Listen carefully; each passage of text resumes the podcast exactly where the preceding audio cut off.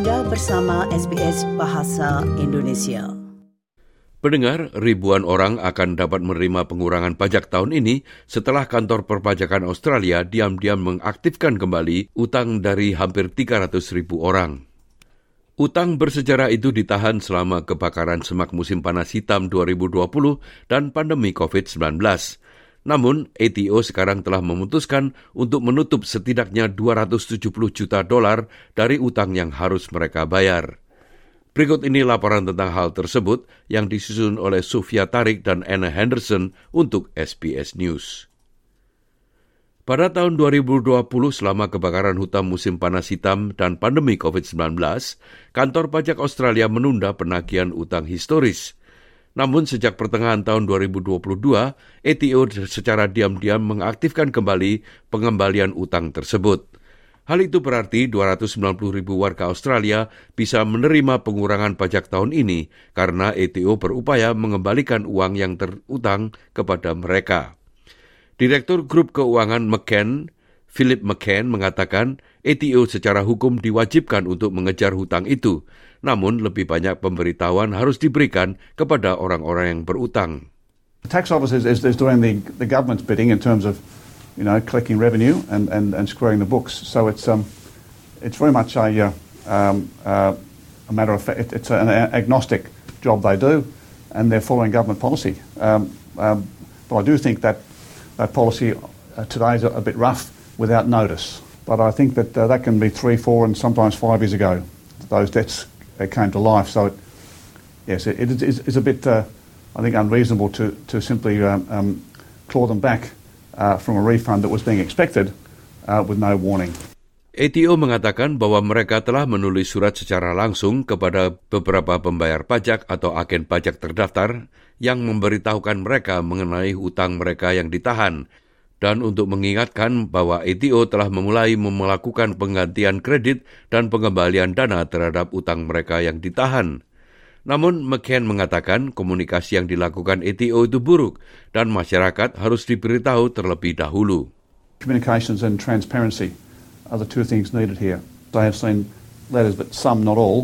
Um, and it's, uh, it has been an imperfect process of communicating to each of those, as you say, 290,000 um, Australians with a, with a tax debt that's resurfaced or, bought, or been resuscitated. Some sort of notice period, call it three months, uh, or a, a, figure, a period of, um, of warning that it's happening um, would be, I think, reasonable.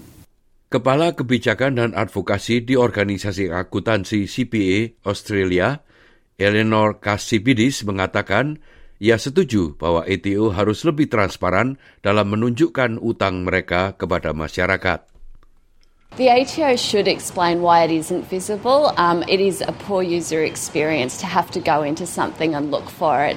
Again, going forward, we would expect these things to be a lot more transparent, but with any IT project, I'm sure there's a reason. So, once again, it's just important though, it's not an excuse to ignore it just because you can't find it straight away. If you do think you have a tax debt, get some advice or speak to the ATO. Ia mengatakan, meskipun ETO mungkin telah mengambil laporan pajak beberapa orang, mereka belum tentu mengeluarkan pemberitahuan penagihan utang untuk utang bersejarah mereka itu. Many Australians are doing it tough, and we are hearing from members that clients are really upset when the refunds have gone. What is important to remember, though, is the ATO is not issuing debt collection notices for the outstanding debts. They are just taking the refunds and also remitting general interest charge. So, if taxpayers do have a problem paying any debts, though, should also look to the ATO and speak to them about a payment arrangement. Namun ATO membela tindakan mereka dan mengatakan bahwa pihaknya telah mempunyai wewenang untuk menagih utang dengan secara otomatis, mengurangi pengembalian pajak seseorang, dan bahwa mereka memiliki keleluasaan yang sangat terbatas untuk tidak melakukan hal tersebut.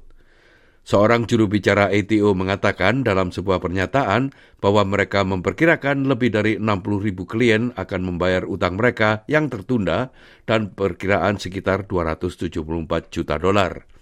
Namun mereka mengatakan sebanyak hampir 290 ribu orang mempunyai utang dan secara kolektif kekayaan mereka mencapai 1,2 miliar dolar.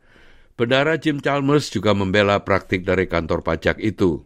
Oh, well, obviously, the uh, tax office does the best job it can in ensuring that people are complying with the tax system, uh, but trying to provide as much information as they can uh, as these steps are taken.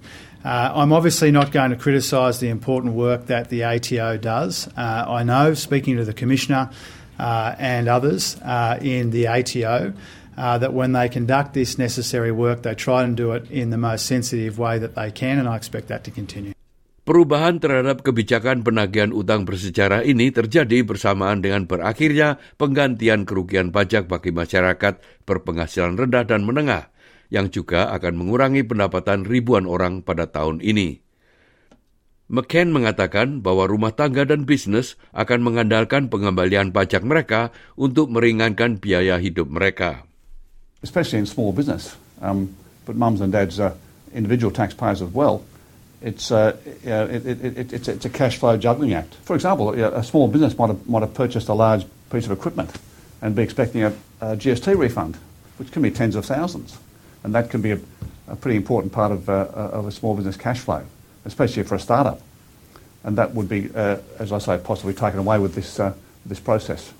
So yes, it will affect Australians. It will affect it will affect um, family budgets. Demikianlah tadi sebuah laporan tentang penagihan utang dari mereka yang masih berhutang kepada kantor pajak Australia. Laporan tersebut disusun oleh Sofia Tarik dan Anna Henderson untuk SBS News dan disampaikan oleh Ricky Kusumo. Anda ingin mendengar cerita-cerita seperti ini? Dengarkan di Apple Podcast, Google Podcast, Spotify, atau di mana pun Anda mendapatkan podcast Anda.